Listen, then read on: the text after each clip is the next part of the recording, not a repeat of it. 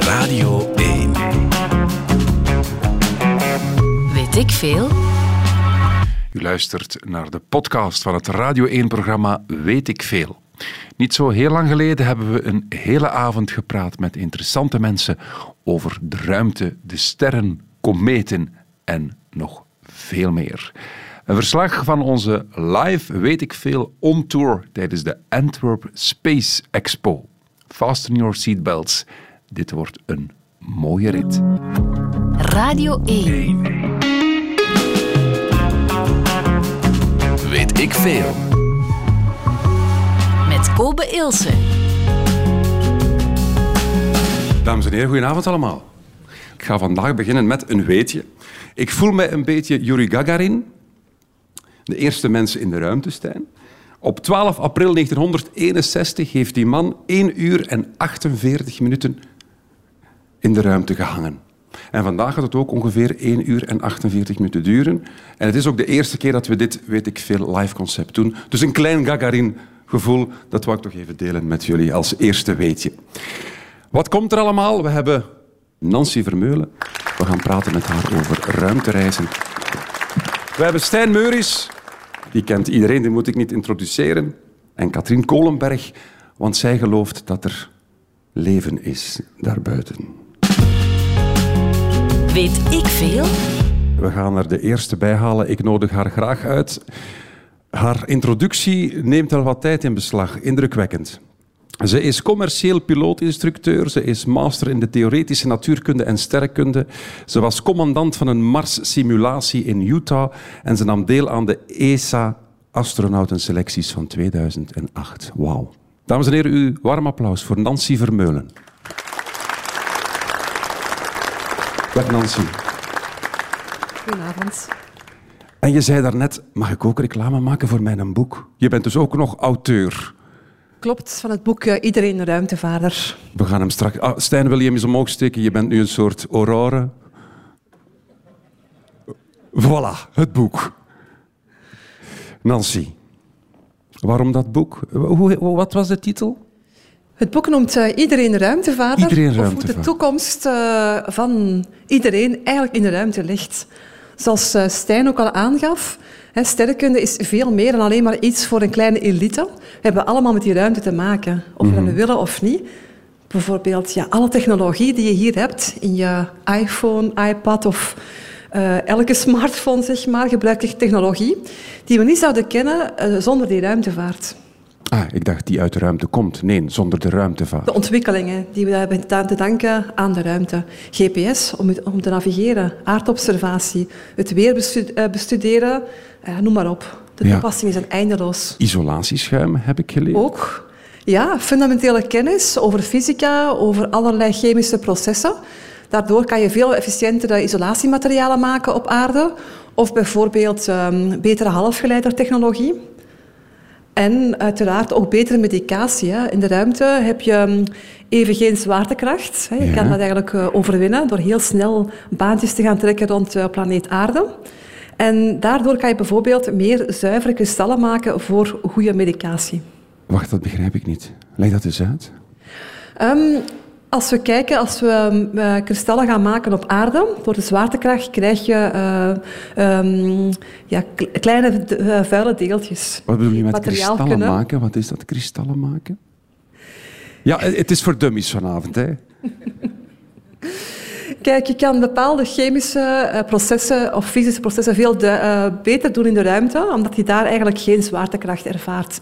Eh, materialen kunnen veel zuiverder gemaakt worden, bijvoorbeeld. En dus medicatie gaat beter werken bij mensen in de ruimte. Ehm, werken, dat weet ik niet direct, maar het is wel zo, in de ruimte kan je testen in extreme omstandigheden. Eigenlijk zijn astronauten een soort van ja, proefkonijnen omdat die in heel moeilijke omstandigheden lange tijd in isola- isolatie moeten leven. Ja? Door ehm, het niet ervaren van zwaartekracht hè, ehm, gaat dat lichaam ook eh, heel zware stress ervaren. Een mens is van nature uit eigenlijk lui. Ook al zitten we hier op een stoel, je gebruikt wel degelijk heel veel spieren door gewoon te zitten hier in een stoel. In de ruimte ga je dus ehm, in vrije val zijn en die spieren niet onmiddellijk gebruiken. En die gaan dan aftakelen, waardoor je moet revalideren op aarde. Vandaar moeten astronauten elke dag twee uur trainen in de ruimte om die aftakeling tegen te gaan. Oké. Maar in die omstandigheden gaan testen hoe ze reageren op medicatie is inderdaad wel interessant. En voor botontkalking bijvoorbeeld Ja, ja, gaan ja. testen. Uw boek heet Iedereen ruimtevaarder. Kan dat? Leg ik die dingen ook uit? Kan, kan iedereen ruimtevaarder worden? überhaupt? Hoe word je het? Hoe begin je daaraan? Eigenlijk zijn wij allemaal al ruimtevaarders, maar dat weten we niet. Hè. Zoals Stijn ook vertelde, op een echt donkere plaats kan je naar buiten kijken en sterren zien. Als we vanavond naar buiten gaan kijken en het zou helder weer zijn, gaan we niet zo echt ongelooflijk veel sterren kunnen zien. Jammer genoeg niet. Ik woonde vroeger ook in Limburg, in Houthalen. Dan had je nog hele donkere sterrenhemels. En ik zag in mijn verbeelding een raket, mezelf een raket nemen, een picknick doen aan de andere kant van de aarde en terugkomen. En ik verdronk echt letterlijk in die prachtige melkweg. Ja. Dat zien we nog op vakantie of in de Ardennen misschien nog een beetje, maar niet meer hier in Vlaanderen, jammer genoeg. En dat uitzicht hebben wij dus. Hè. Wij zijn allemaal astronauten op planeet Aarde die aan een rotvaart door het eh, zonnestelsel zoeft. Aan 100.000 km per uur zoeven wij rond eh, de zon. En ja, met de acht planeten samen, hè, de aarde is één van die acht, wij zoeven samen met de zon aan een duizelingwekkende vaart van, van 800.000 per uur rond het centrum van onze melkweg.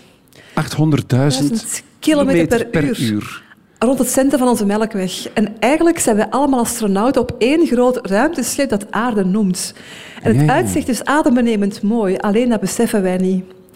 Maar je vraagt me waarschijnlijk, wat moet ik doen om de aarde te verlaten en van het uitzicht van de aarde zelf te genieten? Ja, die mannen die in dat ISS zitten, hoe geraken die daar? Welk, letterlijk, welke route hebben die afgelegd? Zijn die op hun 18 specifiek beginnen studeren? Maar Eh, ik zie daar ook je- iets oudere mensen tussen zitten, zelfs grijze mensen. Echt, dat je denkt, ja, Ja. zestigers, die gaan ook nog naar daar. Mhm. Kan dat? Mag dat? Hoe gaat het allemaal? Ja, dat kan wel degelijk. Ehm, om te beginnen heb je professionele astronauten die geselecteerd worden door NASA, ESA of Roscosmos, een ruimtevaartorganisatie. Dat zijn mensen met heel eh, specifieke profielen, die en wetenschapper zijn, en of testpiloot, en nog expeditiereiziger. Een ongelooflijk eh, indrukwekkend cv. Ik dacht En altijd dat ze vanuit de luchtvaart kwamen, dat het gevechtspiloten. Dat klopt dus niet. Dat was misschien vroeger zo. De eerste garde-astronauten, de Right Stuff, dat waren inderdaad witte mannen en ook gevechtspiloten. Ja, ja. Maar dat is nu niet meer. Hè. Dus je hebt wetenschappers allerhande die worden geselecteerd, maar wel mensen die ehm, buiten een sterk wetenschappelijke achtergrond ook eh, operationele ervaring hebben. Dus luchtvaartervaring is bijvoorbeeld wel erg meegenomen, maar niet meer noodzakelijk. Eh, zeker nu niet meer. Nu gaat men vooral selecteren op mensen die eh, in expedities goed in teamverband kunnen samenwerken. En is die luchtvaartervaring niet meer zo van sterk belang? Het sociale aspect is belangrijker dan het kunnen Absoluut. vliegen. Ja. Serieus? Ja. Waarom? Omdat je heel lange tijd in isolatie moet kunnen leven. En het overleven van een team afhangt van niet alleen de individuele kennis en ervaring en kunde, maar ook hoe dat team als geheel functioneert. Dus je mag een briljante geest zijn, met een, je mag fantastisch piloot zijn, maar Ja. een narcist, die komt, dat komt daar, er niet in. Die komt Nee, daar niet in. Absoluut niet meer. Hoe gaat dat? Stuur ik een brief naar NASA, eh, Cape Canaveral, Florida? Hoe, hoe, hoe begin je daaraan? Eh, je moet wachten op selecties en dat is niet zo vaak, hè. zeker niet in Europa. Ehm, in 1992 vroeg ik aan Dirk Vriemhout, wat moet ik doen om zelf astronaut te kunnen worden? En ik was toen 17 jaar, ik keek enorm op naar die man. En hij vertelde me, ja, je moet vooral je passie volgen. Hè? Heb jij een passie in eh, fysica en sterrenkunde, dan moet je dat ook vooral doen. En daarnaast, eh, in die tijd, had je ook Marianne Mercier, een, een vrouw die eh, buiten ehm, arts ook lijnpiloot was bij Sabena. En ik dacht, dat is wel een ideaal profiel zo. Ehm, een achtergrond hebben in wetenschap en ook eh, lijnpiloot zijn. Dus ik ben die weg opgegaan ook. Je hebt je kandidaat gesteld. Ja, in 2008. Ik heb wel even moeten wachten. Toen waren er initieel 15.000 geïnteresseerden, waarvan 8.000 met de juiste kwalificaties. Voor hoeveel plekjes? Voor zes plekjes, na 15 jaar. Dus ehm, ja, Je schrijft een brief, hoe gaat dat? Echt een Je sollicitatiebrief? solliciteert eh, eerst op de vacature. Ehm, en ja, om te kunnen deelnemen moet je aan een hele hoop eh, ehm, voorwaarden voldoen. Dan krijg je de bevestiging dat je deelname effectief aanvaard is. En dan daaruit gaat men ehm, de 800 eh, meest beloftevolle mensen selecteren om deel te nemen aan de proeven. En die proeven zijn vrij, vergelijkbaar met de ingangsproeven lijnpiloot of militair piloot toch wel. Allerhande testen. Ehm, alles wordt er getest. Komen echt van Engelse taal tot wiskunde, fysica, probleemoplossend vermogen, snelheid, nauwkeurigheid. En dat moet je een hele dag doen. En er wordt ook gekeken naar hoe dat je dat volhoudt gedurende een volledige dag.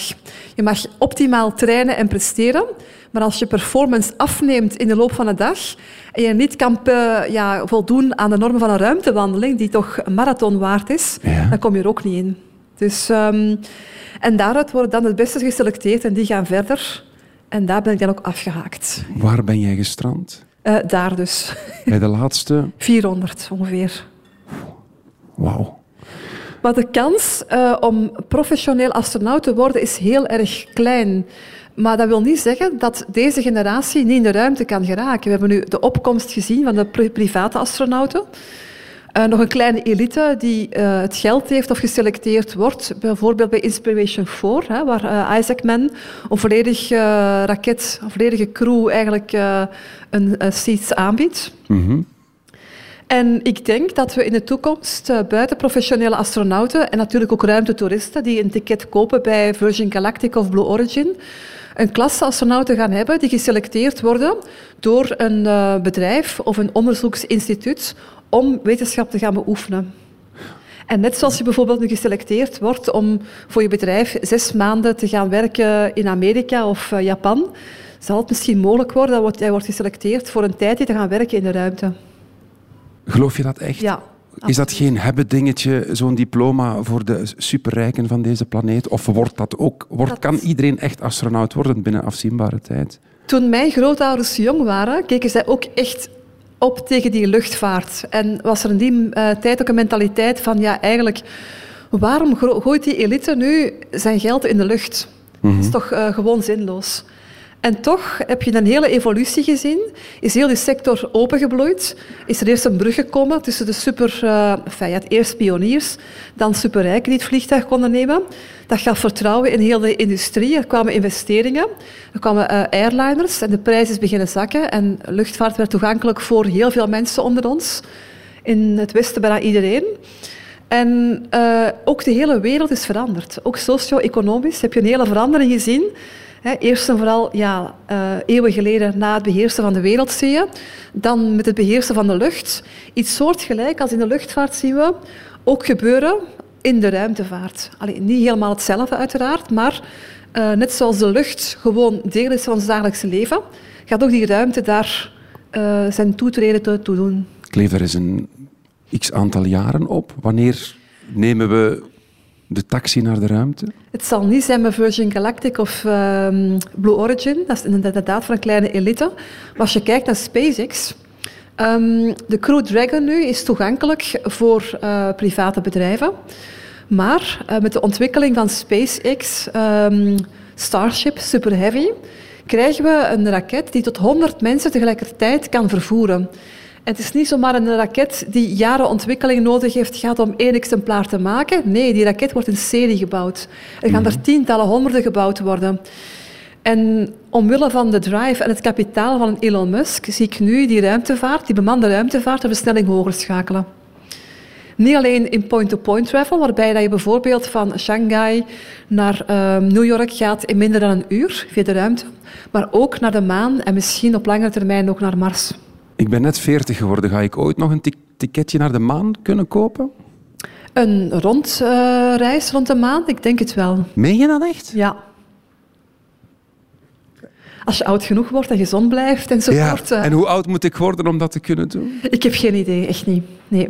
Want er wordt met jaren gegoocheld in die ruimtevaart. Elon Musk is altijd Ja, bijzonder Elon optimistisch. natuurlijk. Hè. Dus eh, volgens Elon Musk gaan we binnen enkele jaren het allemaal meemaken. We moeten dat een beetje verder in de tijd plaatsen. Maar ik denk toch wel deze generatie, jawel. Amai. We gaan het zien. Kleine Ja. tip qua kerstcadeau, moeder. Ons moeder zit in de zaal. En op je vraag of wel inderdaad voor iedereen toegankelijk is. ehm, maar ja, mijn, mijn eh, space trainingen die ik geef hè, ehm, aan private mensen die van die ruimtevaart willen proeven. Ik heb met mijn mama van twee, toen ze 72 was in zo'n attractie geplaatst. In zo'n simulator waar militaire piloten getraind worden. Die hebben wij omgebouwd. Daar doen we dan eh, gesimuleerde lanceringen dan naar de maan, aankoppelingen met ISS. We doen een commerciële ruimtevaart aan de Virgin Galactic.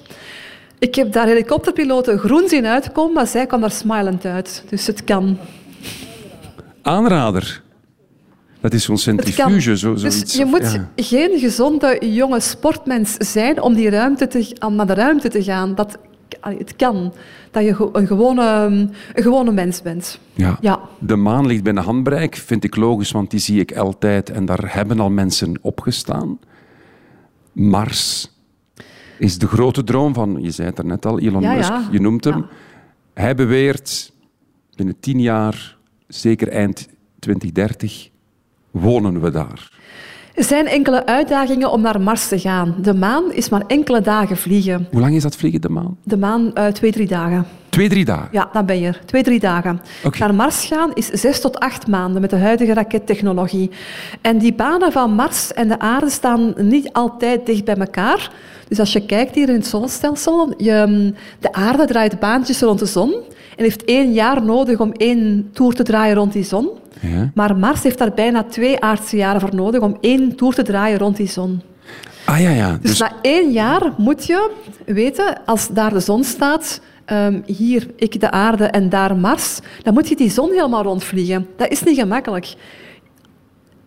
Ja, je moet nog Ja, een jaar wachten. eh, voor naar de Mars maan en vliegen lijkt niet de aarde bij elkaar staan voor je die jump kan maken. Dus bevoorradingsmissies en zo.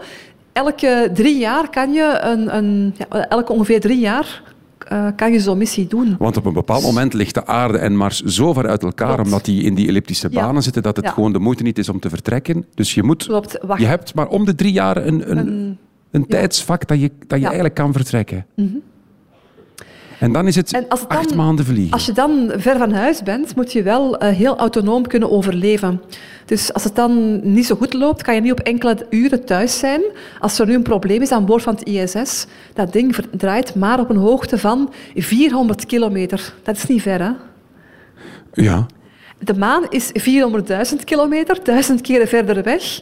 Maar Mars, ja, dan spreken we toch over miljoenen kilometer. Hè? Dus tussen de 65 en 225 miljoen kilometer. Dat is toch een andere grote orde. Ja. En die uitdagingen, ik denk technisch dat we die wel eh, gaan overwinnen.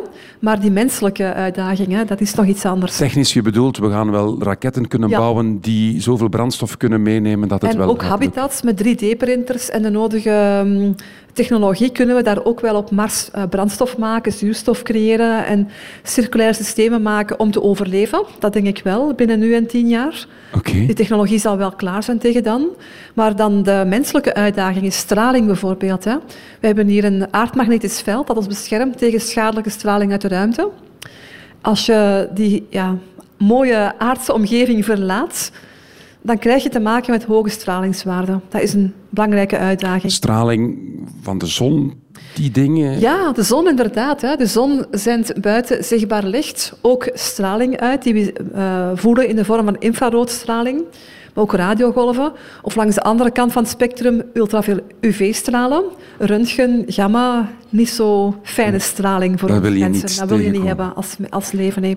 Maar dan denk ik, ja, die ruimteschepen die ons naar Mars brengen, die zijn daar wel tegen beschermd, dus geen probleem. Nog niet. Nee. Nog niet. En daar is nog meer onderzoek naar nodig om eh, inderdaad die shielding te voorzien en de juiste medicatie om de mens daartegen te beschermen. Maar er zijn geniale onderzoeksteams bezig, ook hier in België. Hè. Bijvoorbeeld het Centrum voor eh, Kernenergie in Mol, met professor Sarah Batout bijvoorbeeld. Ja. Die zijn daar heel ver in, om dat soort zaken ook te onderzoeken. En ik denk dat voor elk klein deelprobleem ook wel ergens op aarde een topteam eh, bezig is om die zaken te, ja, tot een goed einde te brengen. Maar dan kennen we allemaal ook de gevolgen van isolatie hè, op eh, aarde. COVID-19, ver weg zijn van vrienden en familie, ehm, niet, niet kunnen deelnemen aan een normaal sociaal leven. Dat, dat weegt op een mens. En tijdens zo'n reis naar Mars ben je niet alleen afgezonderd van vrienden en familie, Maar moet je ook nog eens eh, het idee hebben dat je weg bent van de veilige aarde. En niet zomaar terug iets, kan. en niet zomaar terug. Want is het een one-way ticket? Ehm, de bedoeling is om terug te keren.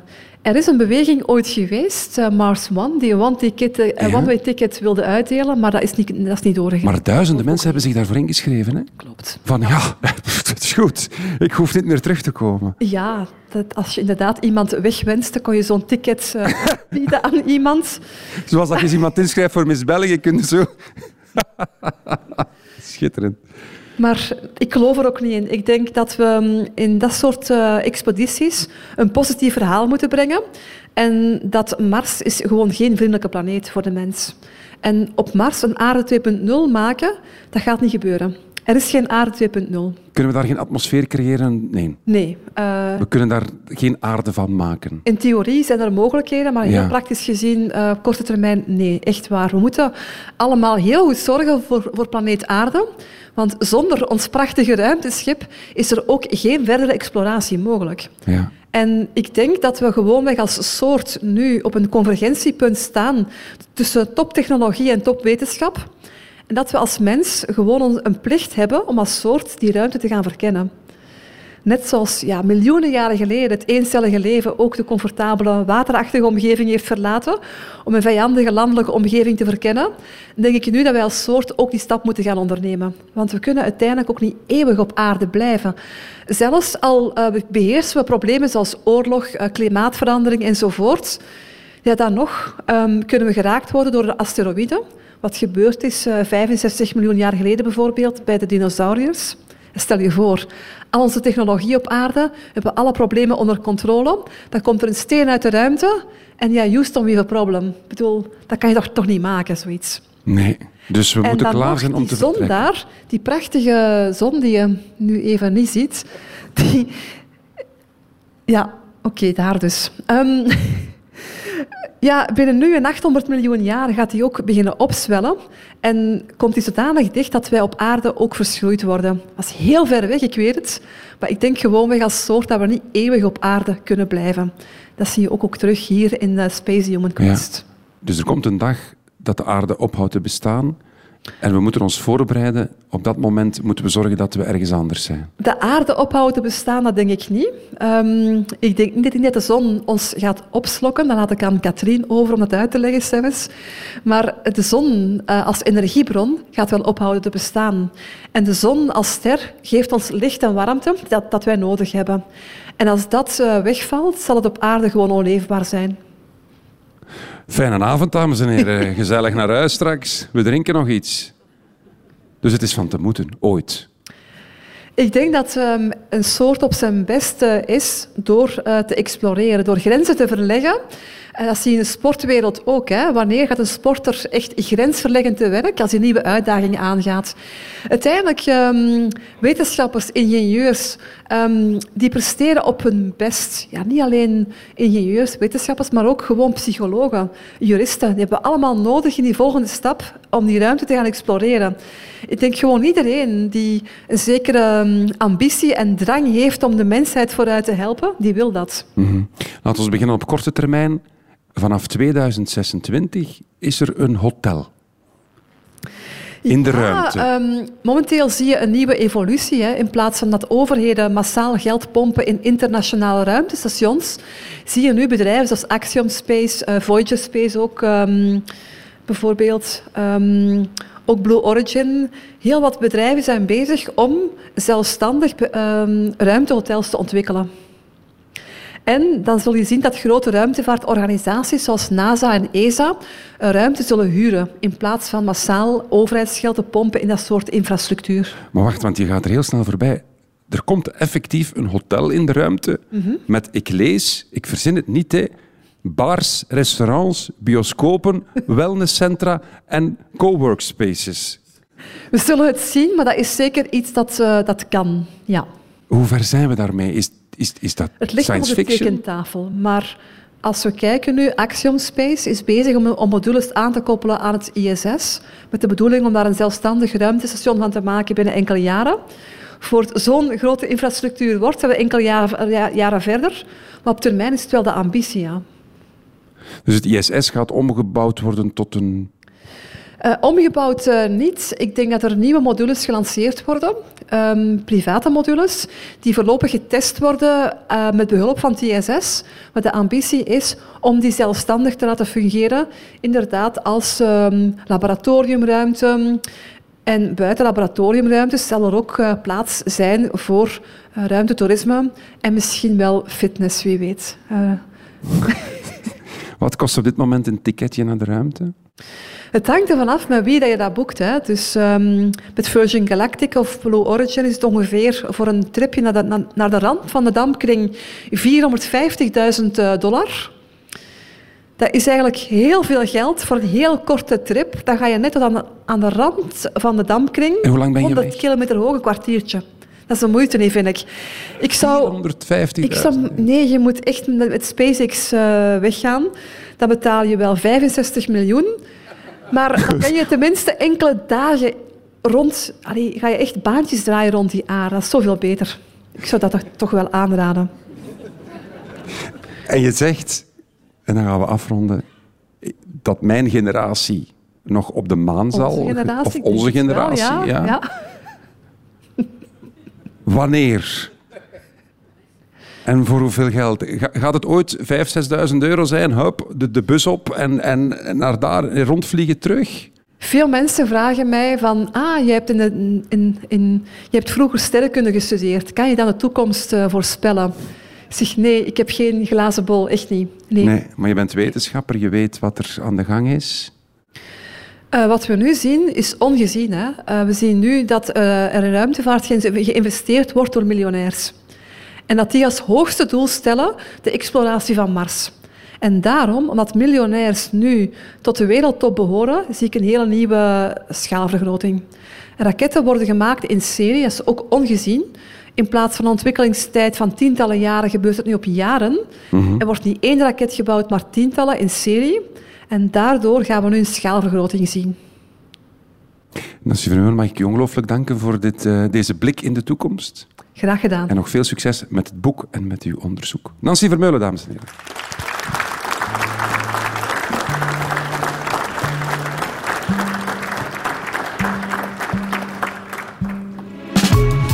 Weet ik veel. Radio 1. Ik heb ooit geleerd in een uitzending Weerwolven op Canvas dat ene Stijn Meuris dikwijls s'nachts als hij getoerd heeft, dat je dan stopt in een tankstation, als het goed donker is toch, en dat jij tegen je wagen leunt en dat jij omhoog kijkt en dat je naar de sterren kijkt. Je hebt daar een theatershow over gemaakt en je gaat er vanavond twee kortere stukjes uitbrengen. Dames en heren, Stijn Meuris. Dank u wel, Kobe. Ik ga dat hier doen. Ik voel me hier toch iets beter dicht bij de mensen. De aarde is steeds minder geschikt om aan uh, praktische sterrenkunde te doen. Het, het, het, echte waarnemen is bijna onmogelijk, en zeker in West-Europa, waar wij wonen.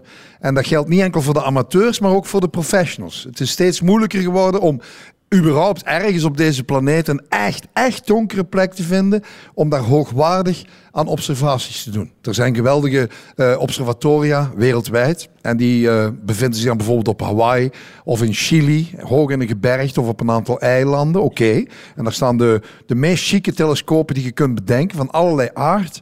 Uh, maar echt, als je nu zegt, nu willen we echt naar de diepte gaan, daar in de kosmos, dan is de aarde niet zo'n beste plek geworden. Omwille van onder andere de vervuiling die in de atmosfeer hangt en zo verder. Maar zelfs zonder die vervuiling zou het niet optimaal zijn. Er is namelijk die 90 kilometer damkring, of je nu wil of niet, en daar moet je doorkijken. En uh, dat valt dan eigenlijk een beetje tegen. De resultaten zijn steeds beter geworden. Maar als je nou echt op scherp van de snee aan wetenschap wilt doen in de astronomie, dan moet je op een andere plek gaan waarnemen. En die andere plek is de ruimte, uiteraard. Daar hebben we al veel ervaring mee. Ik bedoel, uh, ergens uh, voorjaar van 1990 werd uh, de Hubble Space Telescope uh, gelanceerd. Ik weet niet, die beelden kenden misschien. ding is zo groot als een schoolbus. En daar zit een uh, spiegeltelescoop in. heeft 30 jaar aan een stuk fantastische resultaten opgeleverd. Maar dat was dus begin jaren 90. Sterker nog, voorjaar 1990. ik weet nog dat ik dacht van, amai, wij hebben net met Noordkaap de Rock Rally gewonnen. En een week later wordt de Space Hubble gelanceerd. Er zijn al twee legendarische momenten dit jaar. Maar goed, dus dat ding heeft daar 30 jaar rondgedraaid, rond de aarde, op een ja, relatief lage hoogte. Ik geloof 480 kilometer of zoiets. En deed zijn best. Overigens, dat verhaal zelf van die Hubble Space Telescoop is sowieso legendarisch en geweldig. Want in het begin was het een absolute ramp. Sterker nog, ik weet niet of mensen dat gevolgd hebben. Had een miljarden dollars gekocht. En dat werd dan met veel risico gelanceerd. Dat ging allemaal goed. Moet je proberen voor te stellen. En na een paar weken ging eindelijk die klep open om eens te kijken wat hij echt kon. En die eerste foto's kwamen binnen. Ik probeer me voor te stellen hoe zoiets gaat. Met de computertechnologie van die tijd, 32 jaar geleden, zaten ze angstvallig te wachten. Al die mensen met witte jassen aan en vier stilos. Dat zegt iets over hiërarchie. Om te kijken hoe die eerste foto's meevielen. En uh, om een lang verhaal kort te maken, die, uh, die foto's waren rampzalig. Die waren werkelijk verschrikkelijk. En die eerste uren dachten ze nog, ja, maar dat lossen we nog wel op. Dat is kwestie van even scherp stellen. Nee, dat werd dus niet opgelost. Het ding was zo blind, nee, blind niet, maar in ieder geval, het zag wel verschrikkelijk slecht. En uh, ja, dat was een grote nationale ramp, had echt verschrikkelijk veel geld gekost. werden politieke vragen over gesteld en noem maar op. En toen hebben ze, en dat vind ik zo mooi aan technologie, wetenschap en bij uitbreiding de mensheid, toch voor een oplossing gezorgd. Aan de hand van de Space Shuttles, weten dat nog, de Space Shuttles, die toen nog bestonden, hebben ze een reddingsoperatie naar boven gestuurd en hebben ze eigenlijk die dure Hubble Space Telescoop een voorzetlens, je zou het ook een bril kunnen noemen, uh, uh, bezorgd. En tot ieders verbazing werkte dat perfect. Schitterend. En toen heeft dat instrument, want dat is het, uiteindelijk is het een telescoop die rond de aarde draait, heeft eigenlijk 30 jaar een stuk fantastische data opgeleverd onvoorstelbaar wat die ene telescoop wat die heeft opgeleverd aan inzicht in hoe de kosmos in elkaar steekt. Eigenlijk met de data, de foto's, maar niet enkel foto's, want wij, de gewone mensen, wij focussen altijd maar op beeld, maar er zijn allerlei andere data die binnenkomen. Daar zijn we nog decennia lang zoet mee, met de resultaten te onderzoeken van wat de, de Hubble Space Telescoop heeft opgeleverd. Maar met technologie van inmiddels meer dan 30 jaar oud. Ondertussen staat de wetenschap en de astronomie veel verder. En dus, ik weet niet of je dat een beetje gevolgd hebt, zijn we eindelijk waar we moesten zijn, namelijk bij de lancering van de opvolger van de Hubble, de James Webb Space Telescope. Hele lange titel voor een geweldig instrument. Als je de beelden bekijkt van het instrument, bij de Hubble kun je nog iets voorstellen. Dat is nog een soort buis met daar een spiegel aan. En denk je, ja, dat lijkt wel een beetje op een telescoop zoals ik het ken. De James Webb Space Telescope ziet er verschrikkelijk uit. Ik, bedoel, ik heb nooit geweten wat de voor- en de achterkant is. Laat staan de boven- en de onderkant. Het is een heel abstract object, maar het is absolute toptechnologie. Overigens jaren te laat gelanceerd, met een vertraging iets gigantisch. En ook budgetair miljarden, ik overdrijf niet, miljarden dollars te veel dan wat er begroot was. Heel vaak uh, werd de lancering van de James Webb, als ik hem zo mag afkorten, uitgesteld. En op een bepaald moment zelfs werd er gevreesd dat hij nooit gelanceerd ging worden ten tijde van president Trump. Die dacht, dat hebben we allemaal niet nodig, wetenschap. En, uh, maar gelukkig, sinds een paar maanden draait het ding in de ruimte. En, groot verschil, onder andere met de Hubble, niet rond de aarde deze keer. Hij hangt ergens op een fameus punt, ik wil niet te technisch klinken, maar op een, het Lagrange 2-punt, L2 heet dat. Een bepaald punt in de ruimte tussen de zon en de aarde. Zeg maar kort samengevat, het ideale punt in de nabije kosmos om van daaruit aan observaties te doen. L2 heet het, Lagrange 2. Sinds vorige week hangt hij daar stabiel, weten we. En heeft hij ook de eerste testfoto's gemaakt. En om een lang verhaal kort te maken, die zijn absoluut spectaculair. Wat er eigenlijk voorspeld werd jaren aan een stuk, door onder andere de NASA en de ESA, want die werken in dit geval samen. En trouwens de Canadezen en ik dacht de Japanners doen ook mee, is werkelijk ongezien. De James Webb Space Telescoop, met een spiegel die vele malen groter is trouwens, en dus een lichtvermogen dat ook vele malen groter is dan de Hubble, zijn voorganger, kan absoluut veel meer. En om dat even in kort twee, drie minuten te illustreren, eigenlijk kan de James Webb dat wat de Hubble net niet kon. Het unieke aan de Hubble Space Telescoop is dat op een bepaald moment, maanden aan een stuk, heeft hij beelden gemaakt van het absoluut verste deel van het heelal. Het woord verste mag je cursief zetten, want betekent eigenlijk niet zoveel in de kosmologie. Maar in ieder geval van die galaxies of melkwegstelsels die zo ver weg zitten, dat ze eigenlijk strikt genomen bijna bij het begin, bij de oerknal van de kosmos liggen. En dat is iets heel raar. Tijd en ruimte zijn namelijk in de ruimte gelijk. Letterlijk aan elkaar gewaagd. En we weten ondertussen, heel de kosmos is 13,8 miljard jaar oud. Zo zou je het kunnen zeggen. 13,8 miljard jaar geleden was er die fameuze oerknal. Daar kan je uren over babbelen, fantastisch gegeven. En de Hubble slaagden erin om beelden te maken Echt op het scherp van de snee, als ze echt hun best deden, van punten in de ruimte die 13,2 miljard lichtjaren ver waren. Dus je zou simpel samengevat kunnen zeggen, hij had net niet het begin van de kosmos gefotografeerd. Wel puur theoretisch gesproken kan de James Webb dat wel. Die is in staat om nog één etappe verder data te verzamelen want zo noem ik het eigenlijk liefst. Uiteindelijk wordt dat wel foto's en statistieken en beelden, maar dataverzameling, daar gaat het voornamelijk om. Daar wordt nu ontzettend op gehoopt dat dit ene instrument de mensheid voor het eerst echt laat zien waar we vandaan komen. Ik weet niet of je beseft wat dat betekent. Dat is uniek, dat is nooit eerder gebeurd. Dat is een instrument dat ons echt in staat gaat stellen om ja, heel de geschiedenis van de kosmos te ontrafelen. Iets wat we tot nu toe niet konden. Alleen in theoretische modellen, in pure wiskunde konden we dat, maar we hadden nooit een bewijs. En de James Webb, als alles meezit, gaat erin slagen. Iedereen die een beetje met astronomie bezig is, beseft nu, en zeker sinds die testresultaten van vorige week, het staat te gebeuren. Voor het eerst hebben we een instrument in handen dat werkelijk zo onvoorstelbaar straf is, dat wat dat ding gaat zien, ook weer tussen haakjes, zien, observeren, zou wel eens zodanig ja, revolutionair kunnen zijn, zodanig exotisch, dat wetenschappers werkelijk decennia gaan nodig hebben om het überhaupt maar gewoon te begrijpen. Een van de doelstellingen van het James Webb is bijvoorbeeld om eindelijk eens inzicht te verschaffen in hoe de zwarte gaten werken. En ik zeg nu heel specifiek zwarte gaten, omdat hij bij een breed publiek enorm tot de verbeelding spreekt. Er zijn andere fenomenen in de kosmologie die minstens zo revolutionair en, en indrukwekkend zijn, maar een zwart gat, dat, dat spreekt nog altijd tot de verbeelding. Wat is dat? Wel, voor het eerst gaan we aan de hand van de James Webb kunnen zien, letterlijk, wat dat precies is. Hoe, werkt zo'n ding? Ehm, allerlei, allerlei rare natuurkundige fenomenen waar we nu werkelijk niks van weten, gaat die denk ik binnen dit en tien jaar kunnen bewijzen, oplossen, uh, inzicht bieden en zo verder. Dus die James Webb Space Telescoop, zoek hem even op. Stel dat je er nog geen beelden van gezien zou hebben. Wonderlijk instrument. En los daarvan ziet het er ook uit als een soort kunstzinnig beeldhouwwerk. Dat vind ik nou ook wel meegenomen.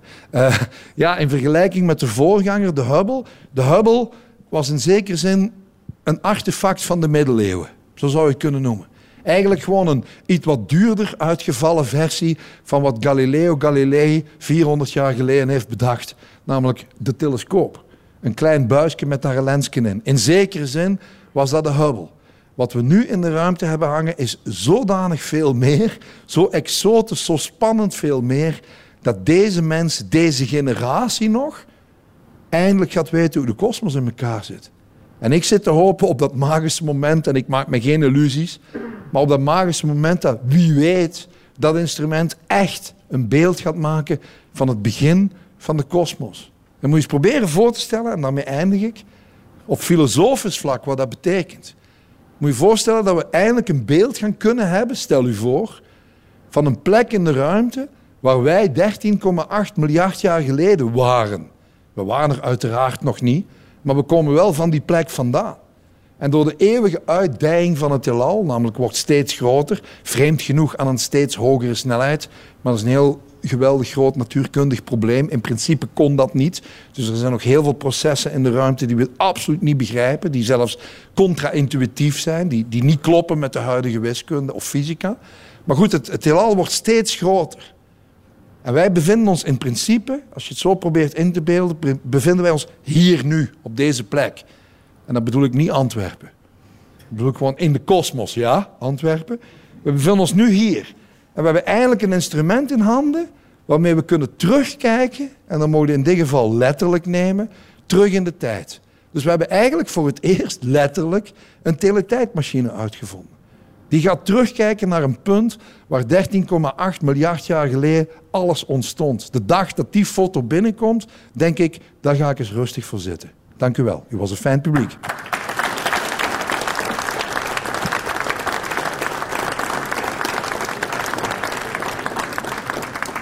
Dankjewel, Stijn. Weet ik veel? Sterrenkundige verbonden aan de KU Leuven, de Universiteit Antwerpen en de VUB. Katrien Kolenberg, welkom in de groep. We gaan zo dadelijk geluid afspelen. En dat is geluid door jullie geregistreerd van sterren. Ja, van sterren. Onder andere sterren. Er zijn veel sterren bij, maar er zijn ook een paar samensmeltende zwarte gaten bij. Er zijn een paar pulsars bij, dat is een speciale soort sterren. Er zijn ook wat planeten bij. Maar wacht, want ik heb altijd geleerd, de ruimte is leeg, daar is geen geluid. Want Ja. geluid beweegt met golven en Ja. als er geen Dat klopt. omgeving Ja. is, is er ook geen geluid. Geluid heeft een medium nodig. Hè. Bijvoorbeeld, jullie horen mij omdat, ja, omdat de trillingen die worden versterkt door deze microfoon, In- door de lucht komen Ja. tot bij uw oren. Ehm, maar in de ruimte is er geen licht. Hoe kan je dan een zwart gat opnemen? Wel, we kunnen dat onrechtstreeks doen. En dus wat we gaan waarnemen is het licht. Het licht is de boodschapper meestal. Voor die zwarte gaten krijgen we ook geen licht. Dus daar zijn het gravitatiegolven. Dus wat, ik, ja, wat, wat we gedaan hebben in die soundtrack, die kosmische soundtrack, is eh, data die we krijgen uit de kosmos. Het zij lichtgolven, meestal lichtgolven, Ja. soms ook zwaartekrachtsgolven, die recent werden ontdekt, omzetten naar geluid. En dan kan je luisteren. Oké. Ja. Ehm, jij speelt daar... Ik speel daar cello door, want met de cello kan ik illustreren ja, wat geluid is.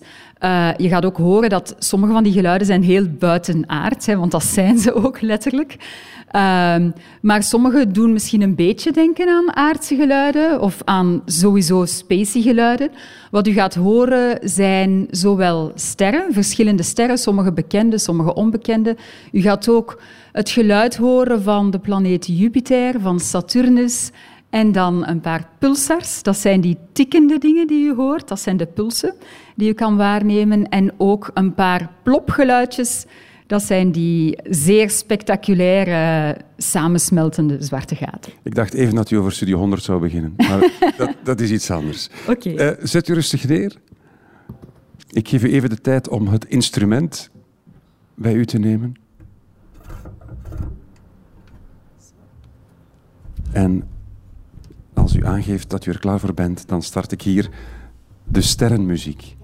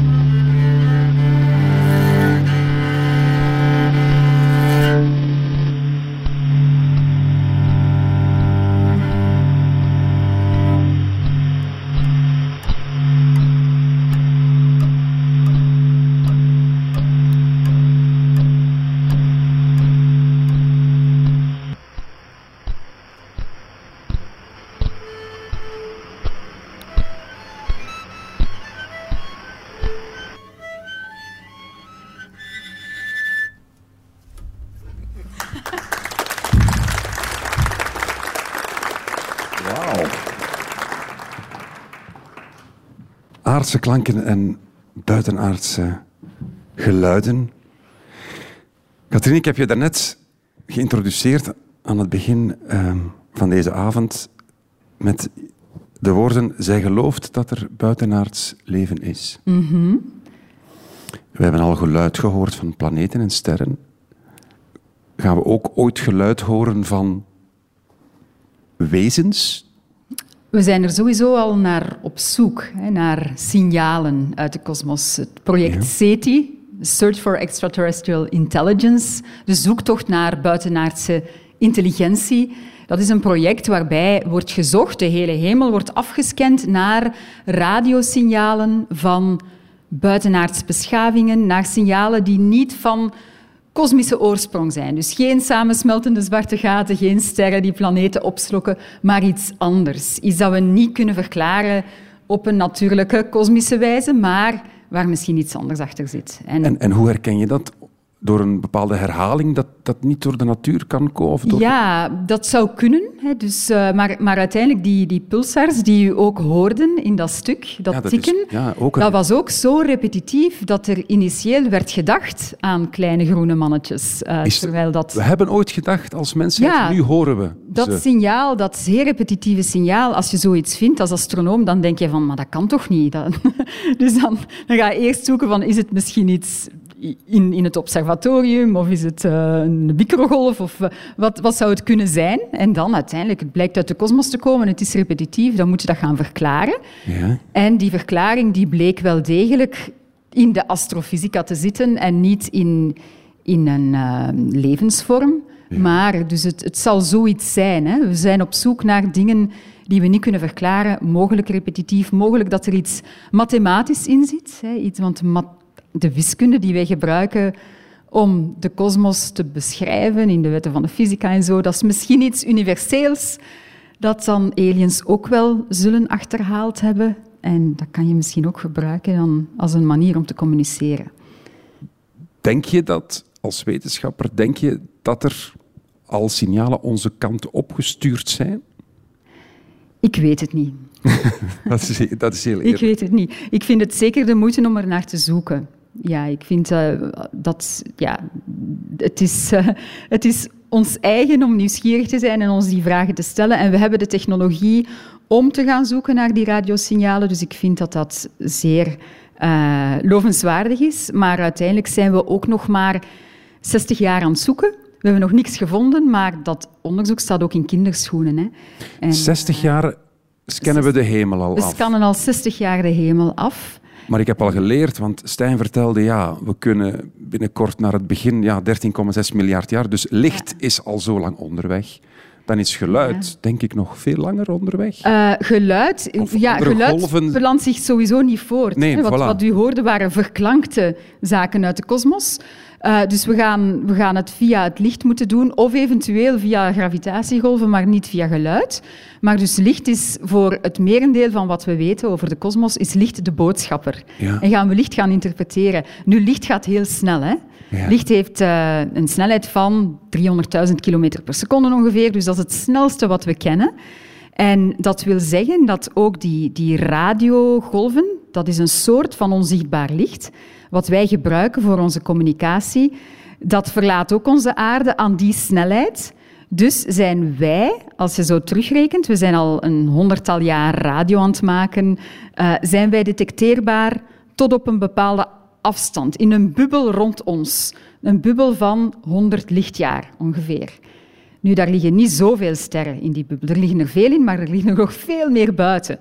Dus wij zijn vindbaar op die manier tot op een bepaalde afstand en omgekeerd ook. Hè. Dus die groene mannetjes die binnen de 100 lichtjaar van ons komen, die hebben kans op... Die zouden ons kunnen detecteren. Als ze, ja, als ze, maar je moet het ook kunnen ontrafelen, hè, want er gaat zoveel lawaai naar buiten.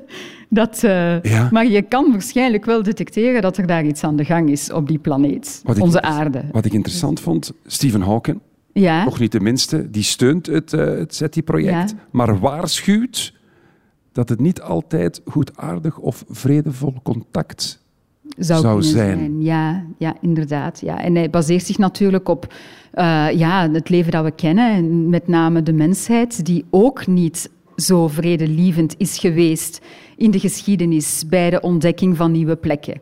Ehm, dus ja, ze zouden, het, ze- ze zouden ons kunnen beschadigen. Ook al hebben ze het misschien niet slecht met ons voor, maar er, is, er zijn risico's aan verbonden.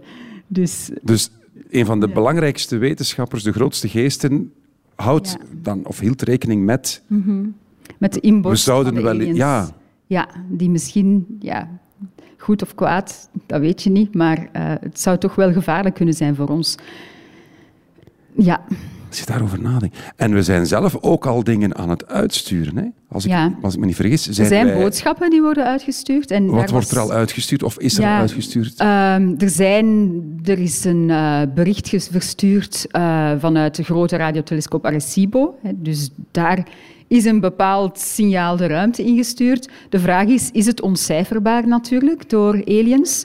Eh, er zijn projecten die echt wel denken aan, oké, hoe, hoe gaan we communiceren en hoe kunnen we dat heel krachtig doen? Maar dan zijn er ook wetenschappers zoals Stephen Hawking die zeggen van, let daar toch maar mee op. Misschien moet je toch niet te veel gaan wuiven van hallo, hier zijn we. ik vind dat eigenlijk iets te, abstract om mee bezig te zijn. Maar ja, Wel- oh, je moet ermee bezig zijn. Ja, ja, natuurlijk hoog intelligent leven, of intelligent leven, hè, zoals we onszelf noemen, dat is eh, om daar te geraken eh, in de hele evolutie, dat is ook niet zo evident waarschijnlijk. Hè. Dus eh, misschien is er leven elders, dat lijkt mij wel plausibel, maar intelligent leven, dat ook nog eens in staat is om te communiceren of interstellair te gaan reizen, dat is nog een andere vraag. Nochtans, in 1977, Mhm. de Voyager-missie. Ja.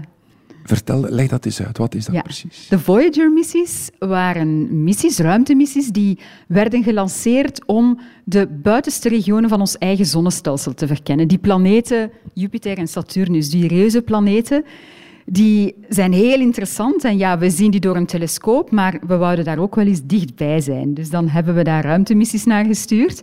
Die zijn een aantal jaren onderweg geweest, want dat is heel ver.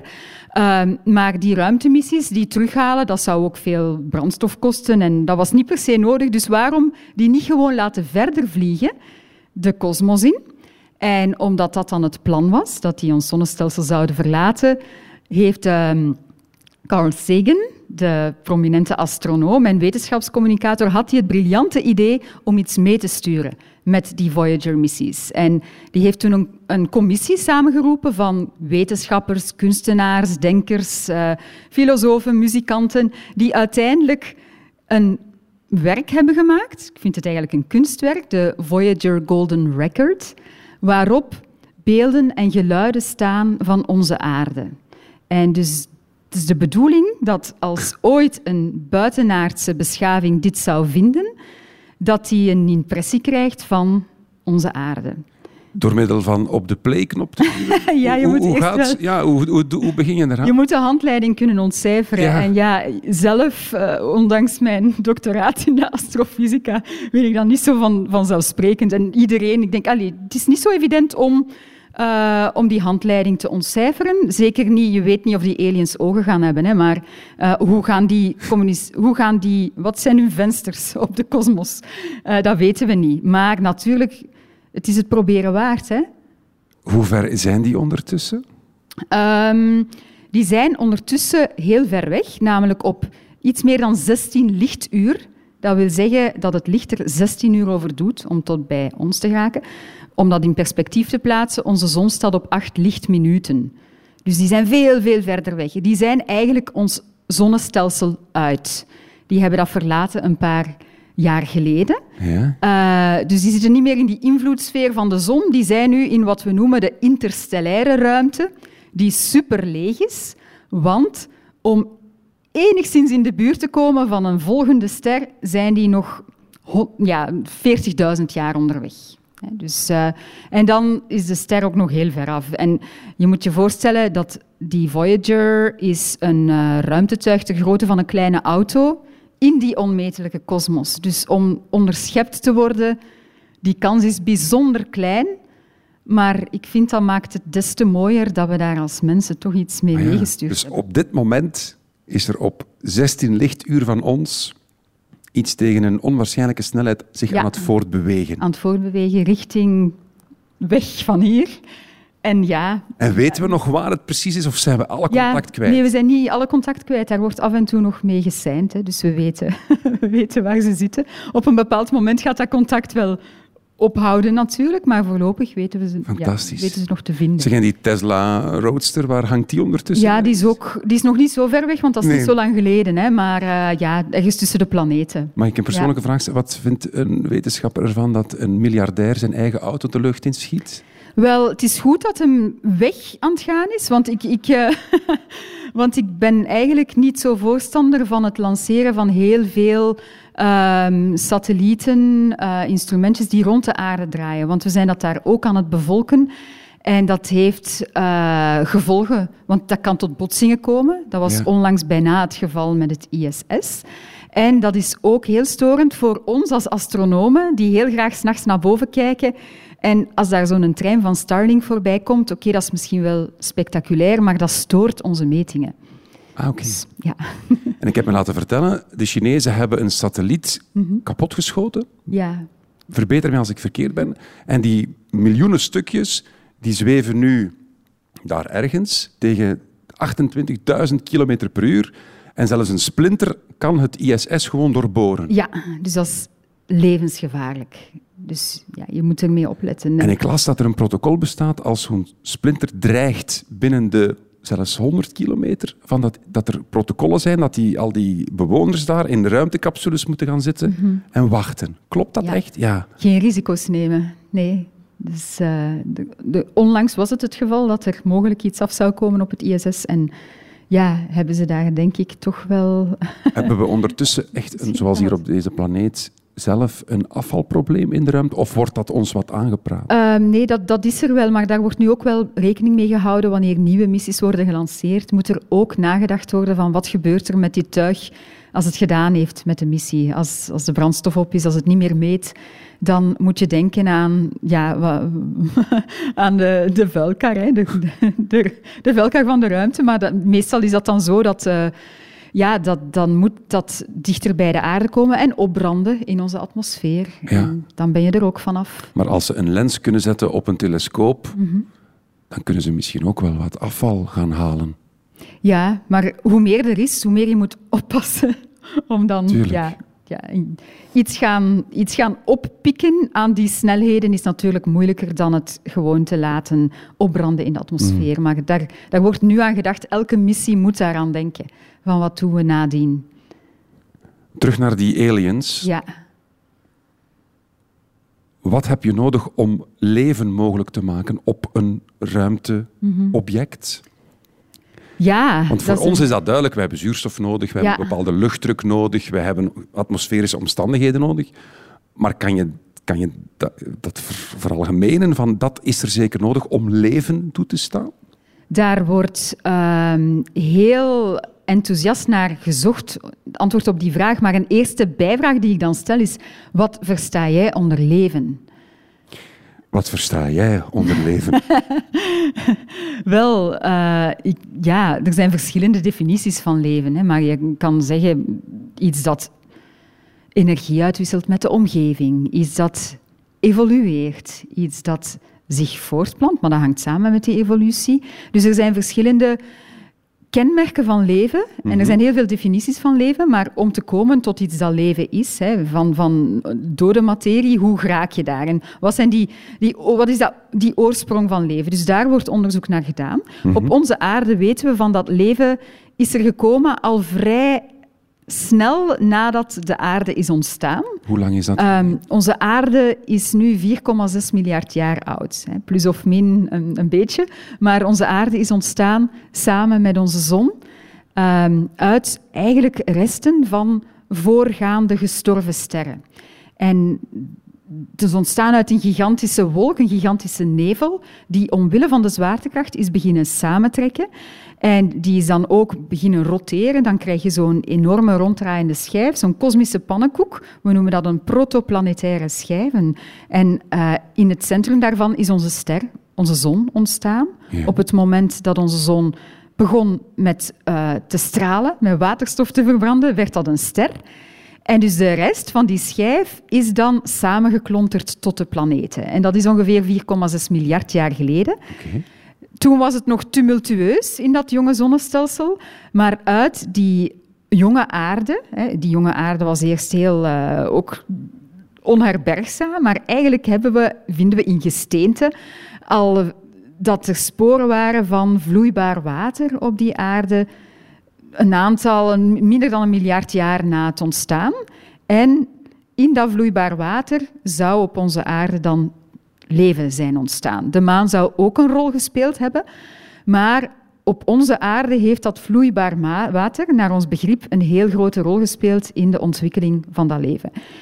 Maar dat hoeft niet overal zo te zijn, natuurlijk. Ja. Maar Ik hoor dat er op Mars ook ooit water geweest is. Is Ja, er dus daar- ooit leven geweest op Mars?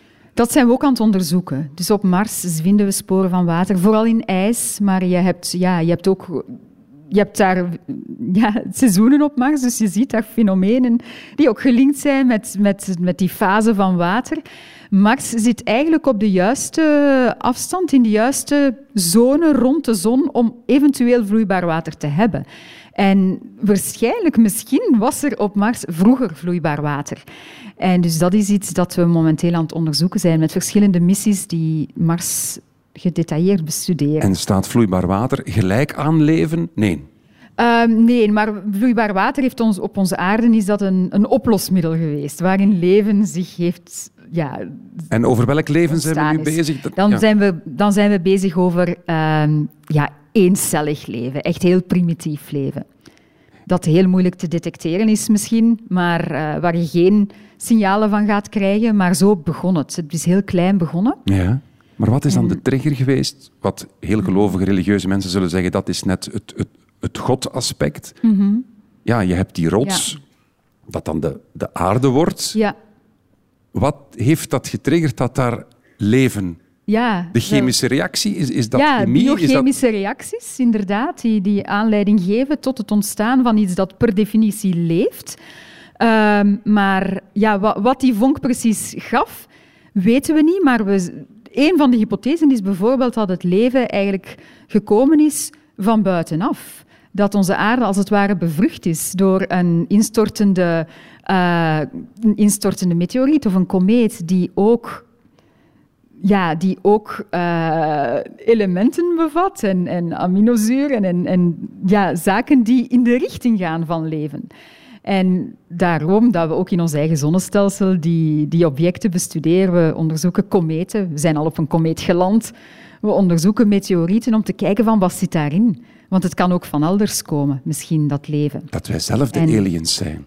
Ja, Dat zeg je Ja. eigenlijk. ja, ja we, zijn, we zijn inderdaad ruimtevaarders op onze eigen planeet, maar misschien zijn we ook wel aliens van oorsprong. Ehm, ja, De maan.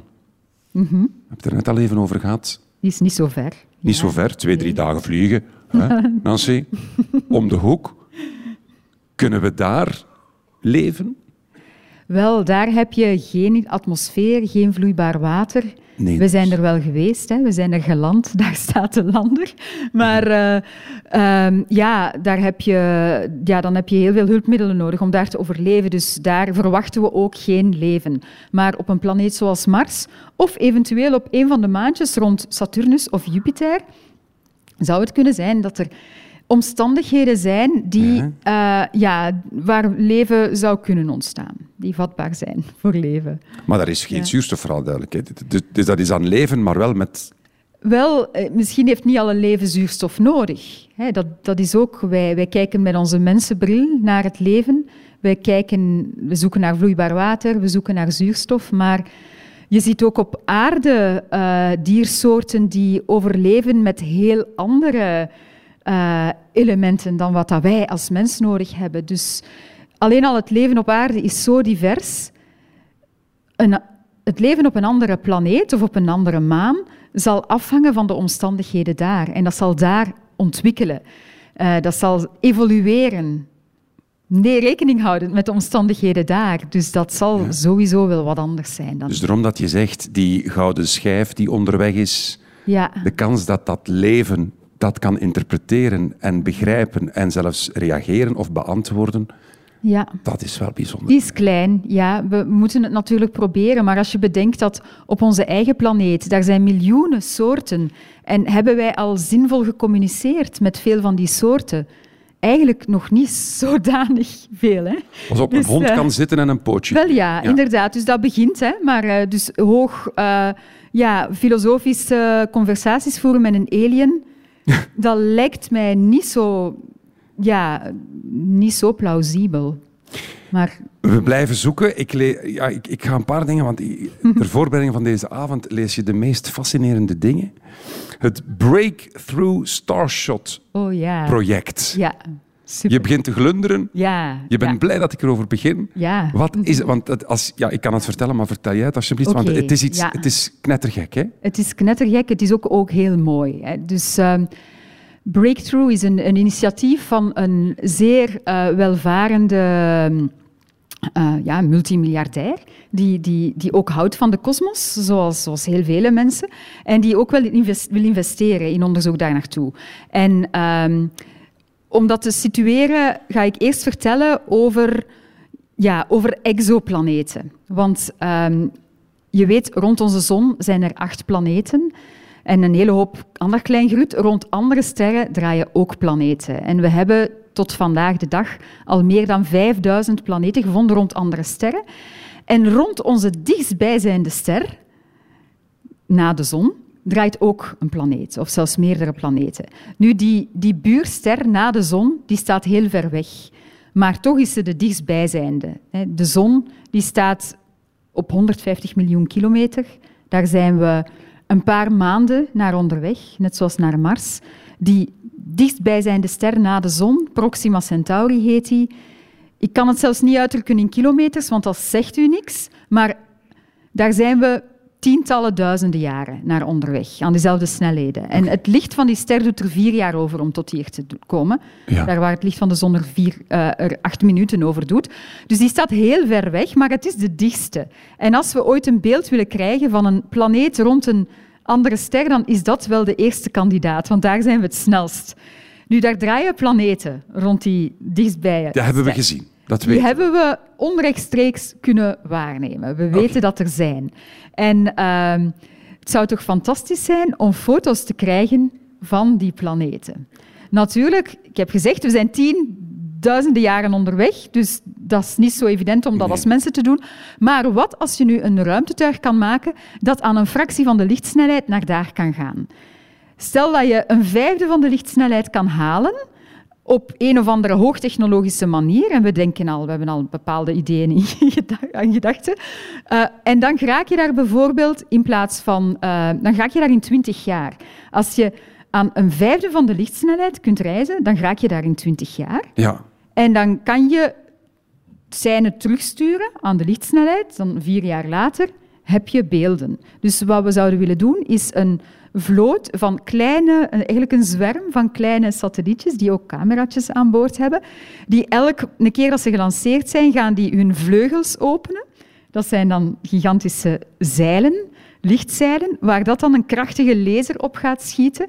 Die laser die gaat die versnellen. Stel je voor zo'n zwerm kosmische vlinders die versneld worden tot een vijfde van de lichtsnelheid en die dan in 20 jaar naar Proxima Centauri vliegen. En daar dan foto's maken en die terugsturen naar de aarde.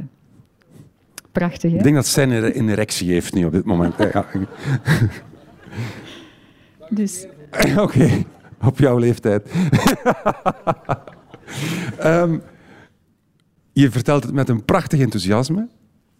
Is dit realistisch? Of, of is dit zo, ja, wel, daar café-wetenschap van ja, we nee, gaan dat eh, doen? Ja, nee, nee. Ik heb collega's die mee betaald worden vanuit dat Breakthrough-project. hè, Die ook, ook collega's die zoeken naar exoplaneten bijvoorbeeld, of die modelleren. Maar dit is een technologie die er nog niet is.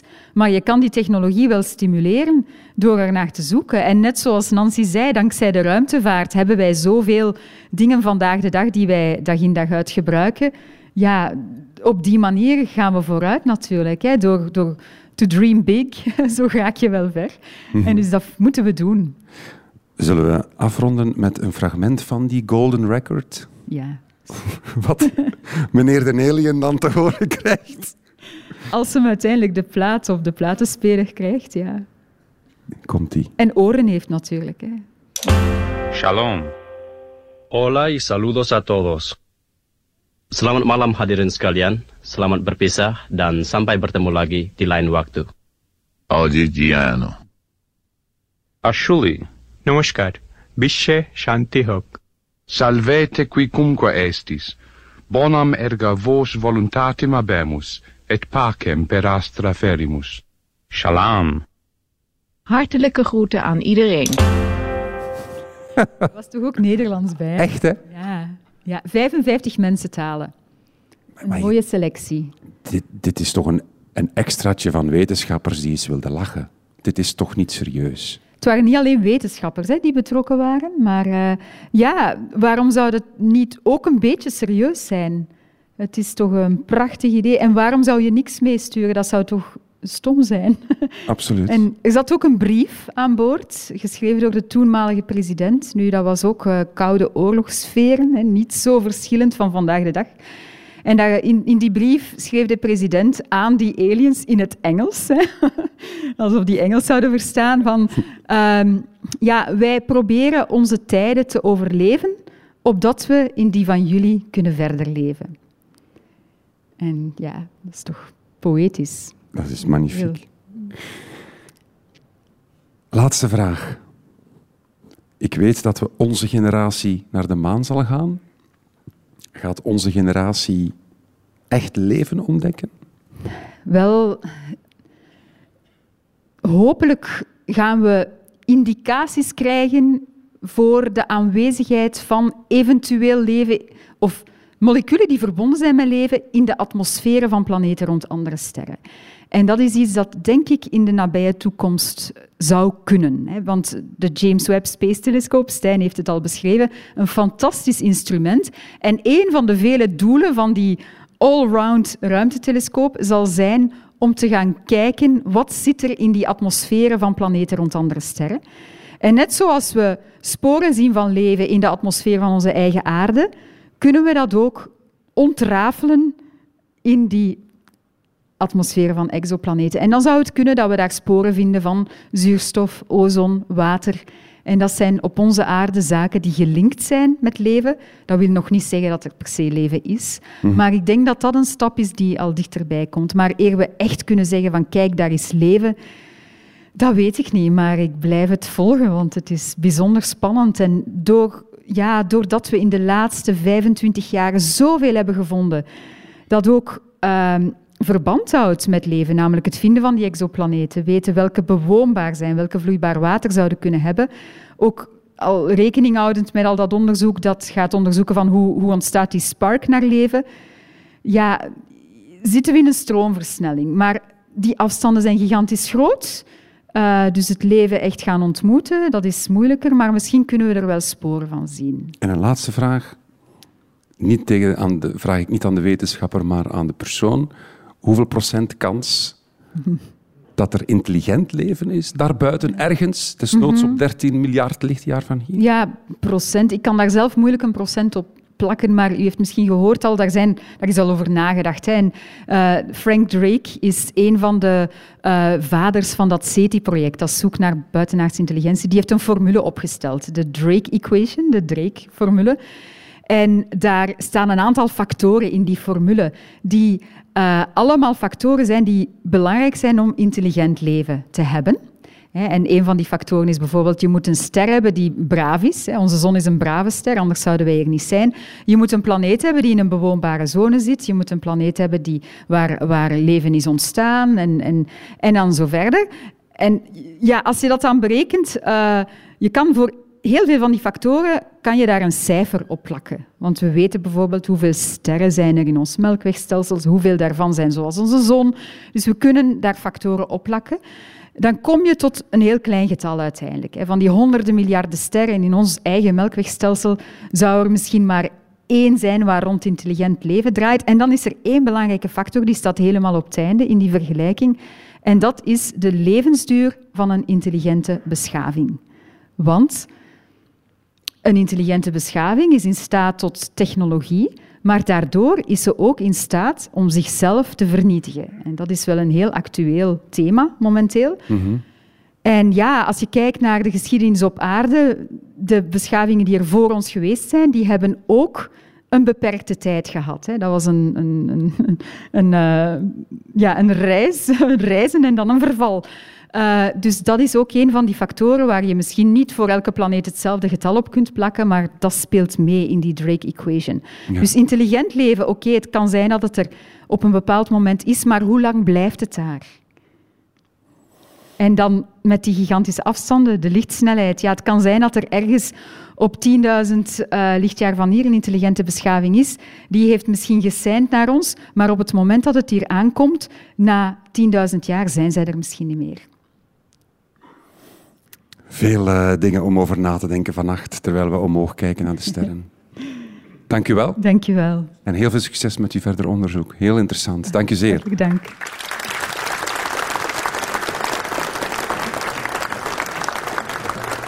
Dames en heren, ik dank mijn gasten, Stijn Meurits, Nancy Vermeulen en Katrien Kolenberg. Zeer bedankt. Dit applaus is voor jullie. Bedankt voor uw komst. Het was onze eerste keer. We hopen dat u ervan genoten heeft. Veilig thuis en heel graag tot een volgende. Tot ziens allemaal. Dit was een podcast van Radio 1. Ontdek nog meer podcasts van Radio 1 in onze app en op radio1.be. Radio 1. Altijd benieuwd.